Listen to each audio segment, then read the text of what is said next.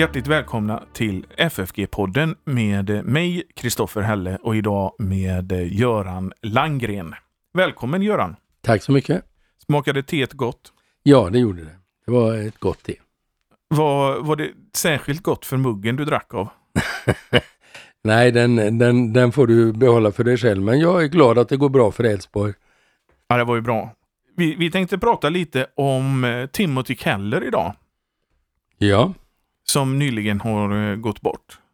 Han har betytt mycket för dig, så honom ska vi tala lite om. Mm. Men är det så att man vill ge ett bidrag till församlingsfakultetens och den här poddens arbete och således då vara en del av församlingsfakultetens arbete, då går det bra att göra det på Swish. Numret är 123 100 8457 och så märker man det med FFG Gåva eller FFG Podcast så kommer det fram till rätt mottagare. För annat som händer på församlingsfakulteten besök gärna vår hemsida ffg.se.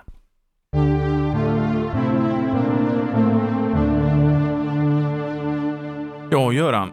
Timothy Keller. Ja. Han har betytt mycket för dig, har, har vi förstått.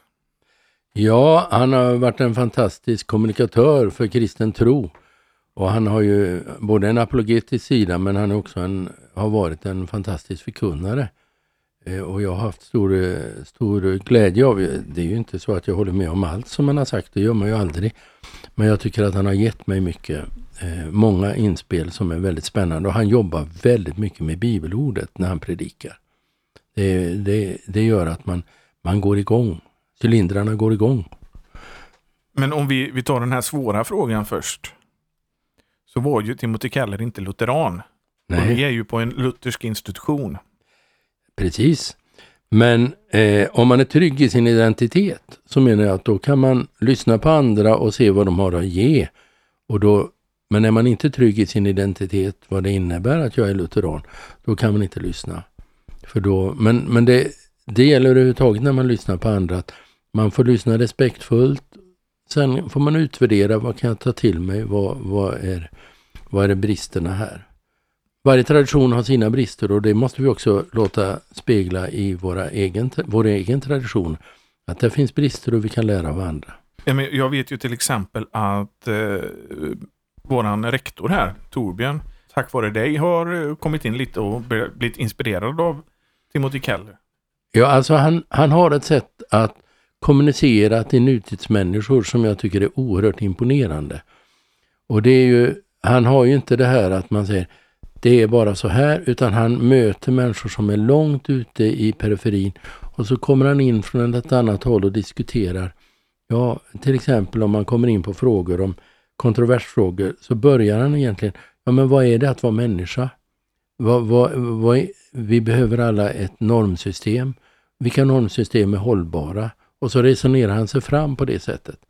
Och det gjorde ju också att han, han, eh, han fick en väldig Alltså han började ju med att eh, han växte upp i en luthersk församling.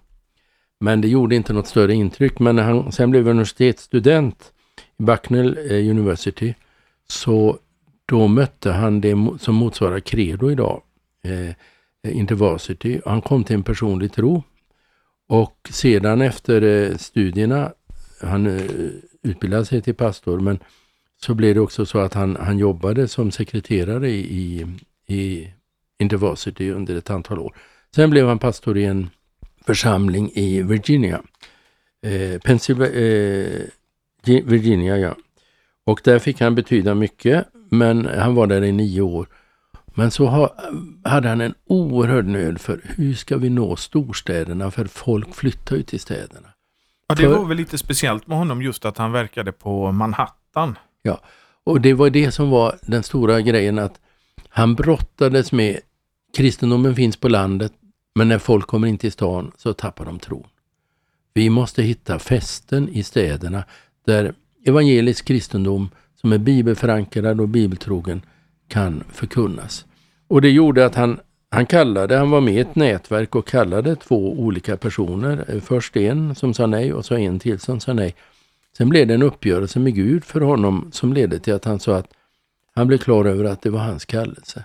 Så han flyttade med sina, sin fru och sina tre små pojkar till New York.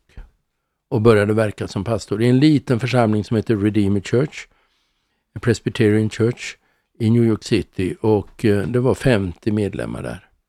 Det, sen arbetade han med mission, väldigt målmedvetet. Han satt på kaféer och diskuterade med människor. Människor kom till tro. Han var trogen i sin bibelundervisning och jobbade med det. Och församlingen växte och blev en, en liten megakyrka kan man säga med 5000 invånare, eh, 5000 eh, medlemmar. Och av dessa så var väldigt många singlar. Så att, och men många jobbade till exempel inom media eller inom eh, finansvärlden och kom till en personlig tro. Det var alltså många människor som var mitt i livet och hade stor, starka positioner men som blev tagna av evangeliet och deras livsöde vändes. Och det har jag imponerats av, av eh, Timothy Keller. Men du säger 5000 medlemmar. Ja, alltså det kanske inte är så lite för en församling i Svenska kyrkan som har väldigt få av sina medlemmar på söndagar. Mm. Men i en sån här församling så antar jag att det blev ganska så mycket. Det var 5 000 som firade gudstjänst varje söndag. Nu har de delat upp den här församlingen i tre olika kyrkor för att växtkraften ska få finnas kvar. Men han blev också en röst som kunde höras, han kunde finnas med i diskussioner. Han gav en, ut en bok som finns på svenska som heter Varför ska jag tro på Gud? Det var väl hans första bok som kom 2010. Och där han går igenom argumenten för Guds existens. Eh, han, jag kan bara ge några exempel. Det kan inte bara finnas en sann religion, en invändning. Hur kan Gud tillåta allt lidande? Kristen tro är en tvångströja. Eh, ja, hur kan en kärleksfull Gud skicka någon till helvetet? Vetenskapen har motbevisat Gud. Man kan inte tolka Bibeln bokstavligt. Då börjar han i den invändningen. Sen arbetar han sig inåt för att visa, jo men det är så, det finns en väg till Gud. Det är så att Gud har själv gått in under lidandet och öppnat en dörr. Kristen tro är det mest befriande som finns, det är inte en tvångströja. Jag skulle kunna fortsätta. Men det gjorde att den hamnade sjua på bestsellerlistan på New, i New York, på New York Times bestsellerlista. Den blev alltså en enorm succé. Eh, och det ledde också till att en del människor faktiskt kom till tro och sökte sig till församlingen. De delade upp församlingen sa du i tre delar? Ja, det, när de hade vuxit 5000 så kände de att de skulle dela den i, i, några mindre enheter för de menade att växtkraften och närheten till varandra det gjorde att man behövde det, det, finns en större chans att växa om man delar upp sig i mindre enheter. Det tillhör ju också en del av Timothy Kellers verksamma liv att han drog sig tillbaka för, som pastor i, i kyrkan 2017 och så jobbade han med ett nätverk för församlingsplantering. Och det finns i över hundra, hundra församlingar som man har planterat runt om. I olika denominationer, också i lutherska denominationer. Så han, han eh, slutade som att vara herde? Han predikade, men andra fick vara herde. Eh, en, eh, det har jag inte riktigt klart för mig vem det var, men han, han, förkunnade, han fortsatte att förkunna på söndagen. Och man kan lyssna på den podden och man kan lyssna på engelska. Så, så eh, Timothy Kellers predikopodd är alltid oerhört fascinerande. Det som var hans stora styrka var att bygga en bro mellan människors situation idag, människors tankar och bibelordet och visa att bibelordet är så otroligt relevant och ändå utmanande som kallas till omvändelse och tro. Det är ju någonting som inte brukar att slå rot hos den moderna människan, särskilt inte i sådana här finansiella distrikt som New York och, och så. Det är så imponerande och det var ju många inom den finansvärlden och jag har ju sett en del som har jobbat som, som slutade sin anställning och har jobbat i församlingen till exempel med smågrupper eller, eller um, olika funktioner som, som var alltså högt uppsatta människor, till exempel i medievärlden, som kände att det var en kallelse från Gud att satsa på detta. Det, jag, jag kan säga att det som gör honom så unik att när han dog så var det också så att till exempel New York Times hade en, en, en krönikör som betecknade honom som kanske en av de viktigaste ledarna i, i den kristna världen. Och även eh, kardinalen gav ett erkännande, den katolska kardinalen gav ett erkännande av att han hade varit en stark kristen röst i en sekulär värld. För New York City är ju ganska sekulariserat. Men det behöver ju, att en kardinal ger en, en positiv bild behöver ju inte vara någonting bra. Nej, det kan... Men det var det... Man kan ju säga att det vi delar med alla kyrkor är ju en nöd för den kristna tron är på väg ut. Och det var väl det som han såg. Det var en röst som alla lyssnade till. Och sen var han i diskussioner med andra samfund så var han väldigt respektfull. Han var väldigt tydlig med vad han stod för. Men han var respektfull mot de som hade en annan ståndpunkt. Men ofta är det ju så, Göran, att det blir svårt för en tradition att hitta ett modernt tilltag. Det kanske blir att man fastnar i en viss typ av tid. Mm. Och inte mm. hittar vad skriften säger till moderna människor. Nej, alltså jag tror att det som är så bra med Timothy Keller är att han, han har levt i tiden, fast förankrad i sin tro och låtit tidens frågor och bibelordet mötas och låta bibelordet ha prioritet. Men ändå kommunicera det på ett sådant sätt så att det visar att det har med vårt liv att göra, allt detta. Och det, det har fötts fram i hans egen brottning med bibelordet. Därför har han haft något att säga. Och det har också gjort att han har kunnat predika evangelium om korset och uppståndelsen mitt i vårt nu. Så att han är oerhört central. Och det är en väldigt viktig sak för honom. Han, det ska alltid vara så att den stora poängen med Bibeln är Kristus. Och det är det han har lyft fram gång på gång, evangeliet. Nej, men jag menar, Kristus har ju dött för även människor som lever idag. Absolut. Det är ju inte någonting som är en dåtid. Nej. Men att just kunna få fram det till människor är inte alltid det lättaste. Nej, och eh, det, det, får jag säga att den här Varför ska jag tro på Gud? Och det finns en annan bok som har kommit på svenska som, jag, som börjar ett steg före. Hur ska vi förstå Gud? En inbjudan till skeptiker. Den har kommit rätt så nyligt. Jag skulle säga att eh, jag har läst den på engelska men eh, Making Sense of God. Eh, men jag tycker att det är värt att, att liksom reflektera över det. Att eh, när man lever nära människor och lever nära Jesus, då har man något att säga till människor. Jag tror att det är den avgörande punkten.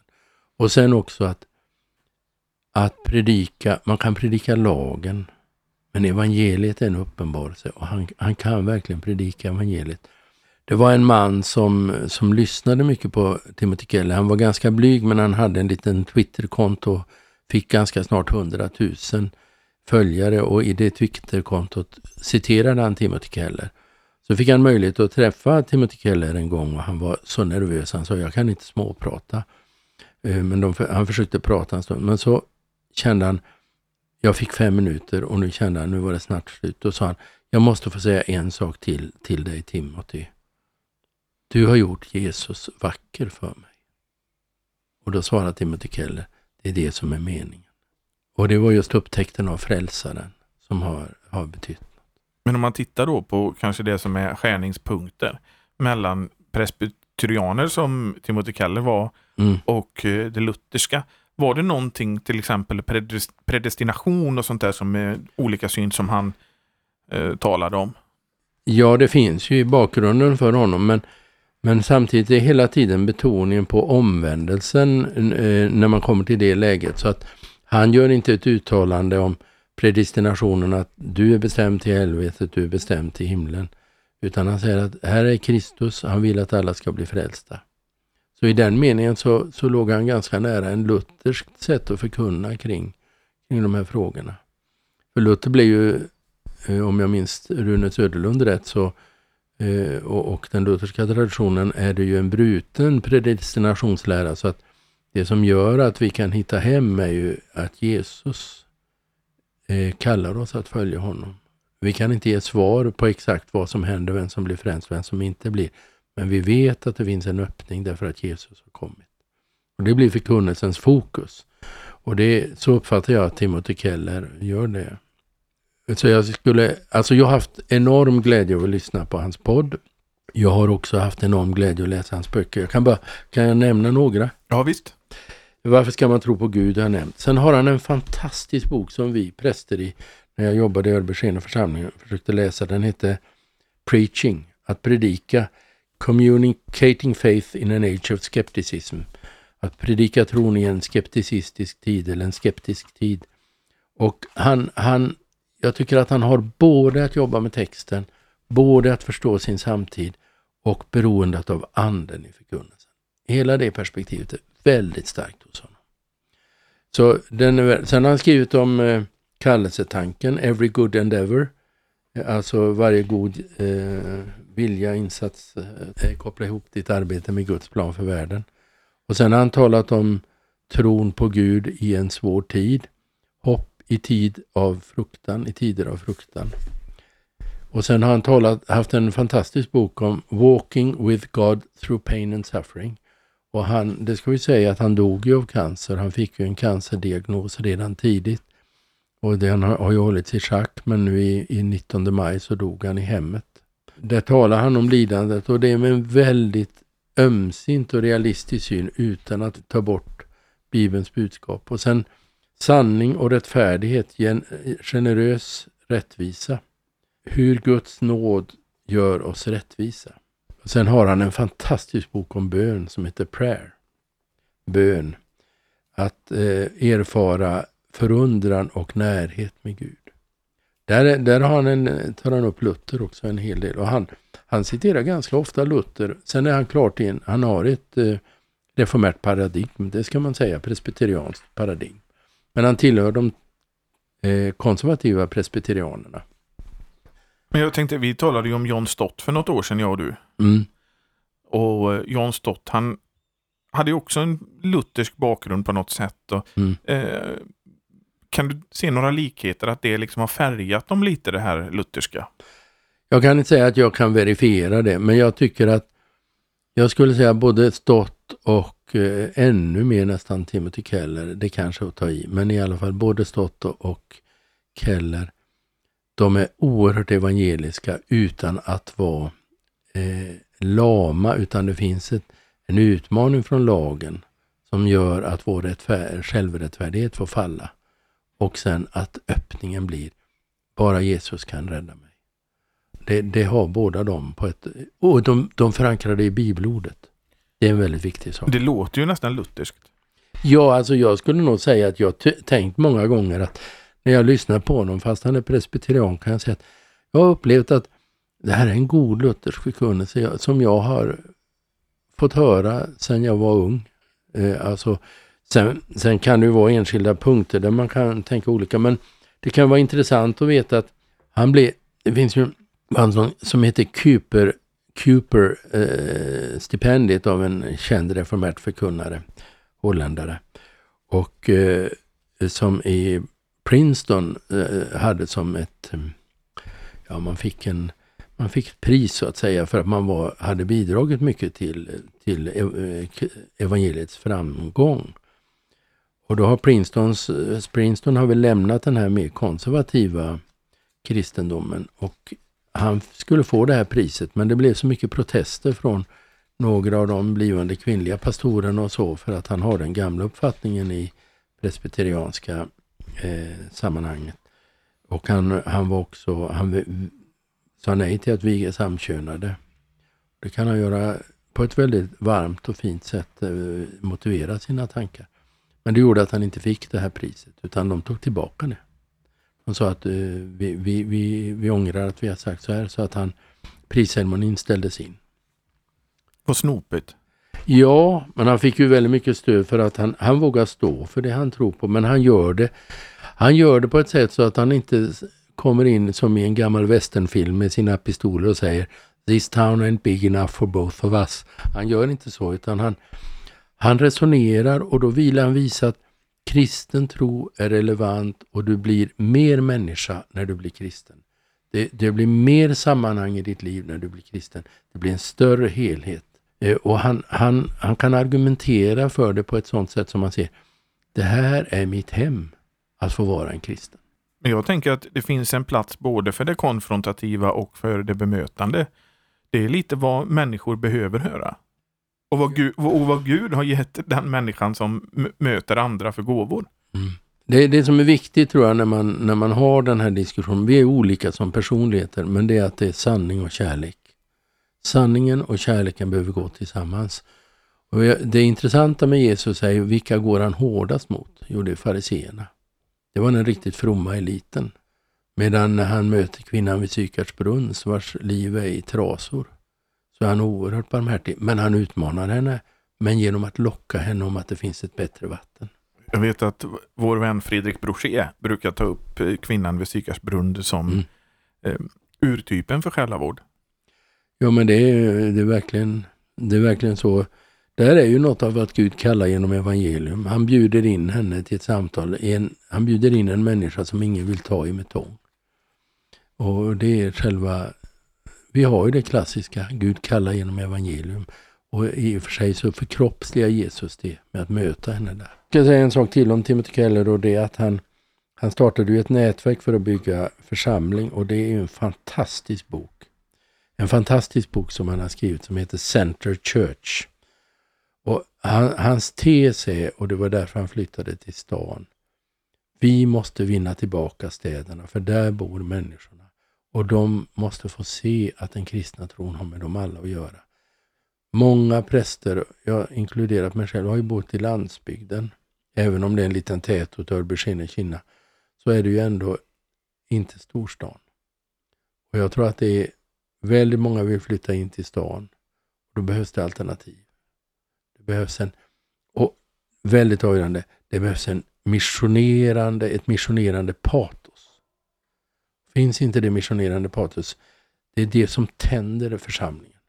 Och det gör oss också fria från små fjuttiga, eh, kanske diskussioner eller, skulle jag säga, konflikter. Men ett alltför utslätat budskap, det har ju inget patos. Nej, utan har du drabbats av att möta ett möte med Gud, då är det det viktigaste som finns.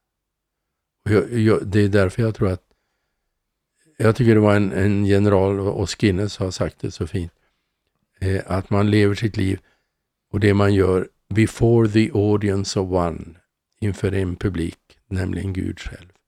Hela mitt liv är ett liv inför honom och det betyder också att jag ska svara för det, men det är också det att han är den barmhärtige frälsaren. Allt jag gör får jag leva i det ljuset.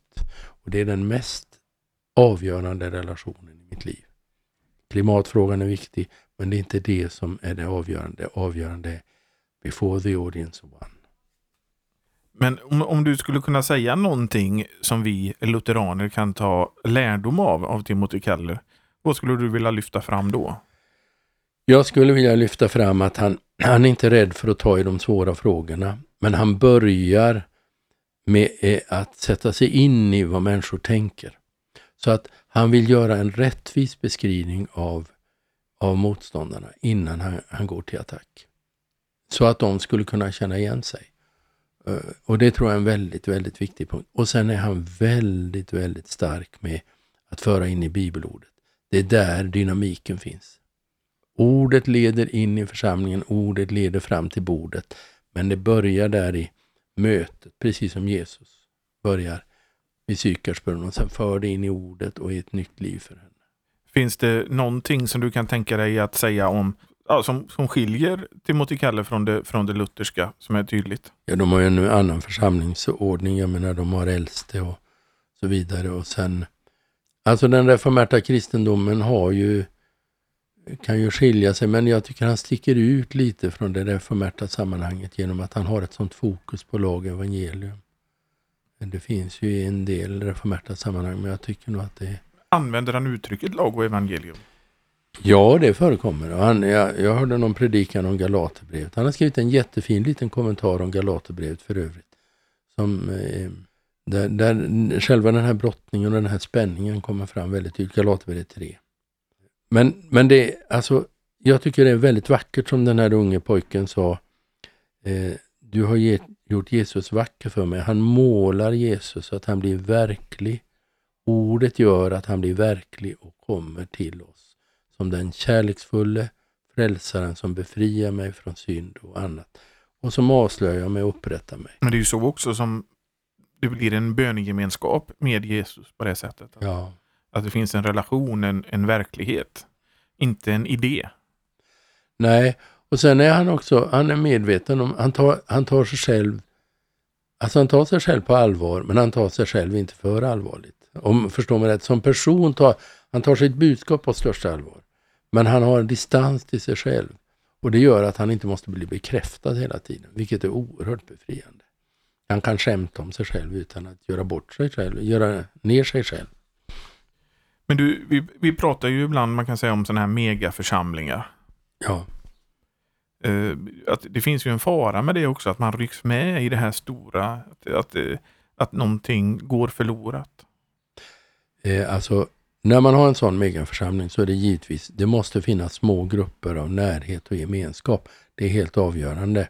Och där tror jag att man måste ha gemenskapsgrupper, kanske böne, bönegrupper och bibelgrupper. Eh, och det har man där, så vitt jag har förstått. Men eh, man ska vara medveten om att det handlar också om att förkunnaren lämnar en dörr öppen för mig att ta ställning så att man inte blir manipulerad. Det är alltid risken i ett stort sammanhang att man får en, en demagogisk eh, anda som trycker till så att man, man säger ja utan att ha bearbetat det själv. Det gör inte Timothy Keller. I början när han förkunnade, och det har jag hört i några predikningar, så hade han questions and answers. Alltså en frågestund efter predikan. Folk fick ställa frågor och han gav svar. Eh, och, och, de är väldigt skarpa de svaren. Så att eh, ja, eh, jag, jag får nog säga att det, det, är en av de stora upptäckterna. Jag hade ju en dröm om att få kalla honom till, till eh, Europa, till Sverige, att han skulle komma och tala, för han hade så mycket att ge. Nu får vi läsa hans böcker och ta vara på det som är eh, utgivet också. Ja, han, som du sa, han dog den 19 maj. Ja. Hur gammal blev han? Han blev bara 72 år. Han var född 1950. Så att eh, han skulle fylla 73 år. Så det, det, en, det var en, alltså han har väl jämförts med John Stott som den evangeliska kristenhetens talesman i den anglosaxiska världen. Han var dessutom en stor älskare, anglofil var han. Han älskade C.S. Lewis, Sagan om ringen och även Harry Potter. Han har fått en del kritik för det men, men han var en väldig, alltså han har läst C.S. Lewis väldigt noga. Nu är inte jag någon större fantast av varken Sagan om ringen eller Harry Potter och, och, och så, men hela den genren. Men att känna till det kan ju vara ett bra sätt i mötet med människor. Absolut. Det är ingen tvekan om att han var väldigt beläst i eh, samtidskulturen och kunde möta, han skrev ibland insändare, han blev ju intervjuad i den lokala tvn ganska ofta. Och radio. Han, han var väl en del i, i uh, samtalsklimatet? Ja, det var han. Och, och, det var en, en kristen röst, så att det är därför som New York Times, en av de redaktörerna där betecknade honom som den viktigaste kristna eh, talespersonen i, i, i samtiden. Eh, jo, jag tror att det är riktigt att nästan jämföra honom med eh, John Stott fast han har en lite annan approach. Eh, och han är lite speciell när han predikar. Men det, det, är ju inte alltid idag som kristna profiler slår igenom mediebruset på det sättet. Nej, och jag tror att det var att han var så öppen och fri. Alltså han, han kunde ta emot att man ställde frågor och att invändningar och sådär. Han kom alltid in från ett annat håll då. Och, och, och, kunde, utan att ta bort vad han trodde på, så kunde han utmana så att eh, att det berörde. För, för ofta så är det ju så att eh, det världen, om man säger så, vill inte släppa igenom det kristna som, som kunde ske för. Nej, och alltså det är klart han hade sina kritiker och det märkte vi ju när han inte fick det här priset i Princeton. Men till exempel var han väldigt noga med att inte binda upp sig politiskt. Han kritiserade både demokrater och republikaner för det som inte var kristligt. Till exempel hade han en väldig nöd för de fattiga och, och The Church of the Redeemer hade ett väldigt starkt arbete bland eh, bostadslösa och andra, alltså diakonalt arbete. Det finns ju också en, en risk i det här sociala arbetet. Att eh, själva budskapet går förlorat och bara det blir en, en hjälpverksamhet. Mm. Och då kan, tror jag, jag tror det är så här att för att det ska fungera på rätt sätt så behövs det vara en, ett evangelium i centrum som är bibelförankrat och som ständigt utmanar och befriar. Och som driver oss till omsorg om andra människor. Både lekamligt men också andligt, själsligt. Och då kan diakonin fungera väl. Men om, om inte det patoset och det etoset finns i en församling, då går det förlorat. Och då blir det lätt utanverk med allting. Man blir en institution som hjälper människor, men det blir inte mer. Jag fick se en sist när jag var i London med St. Pauli och vi besökte All Souls Church så såg vi deras arbete bland hemlösa som sov på gatorna. Oerhört imponerande att se vilket patos de hade och vilken bön de hade för dessa människor. Att få förmedla hjälp och kärlek men också de i sig var ju ett vittnesbörd om evangeliet.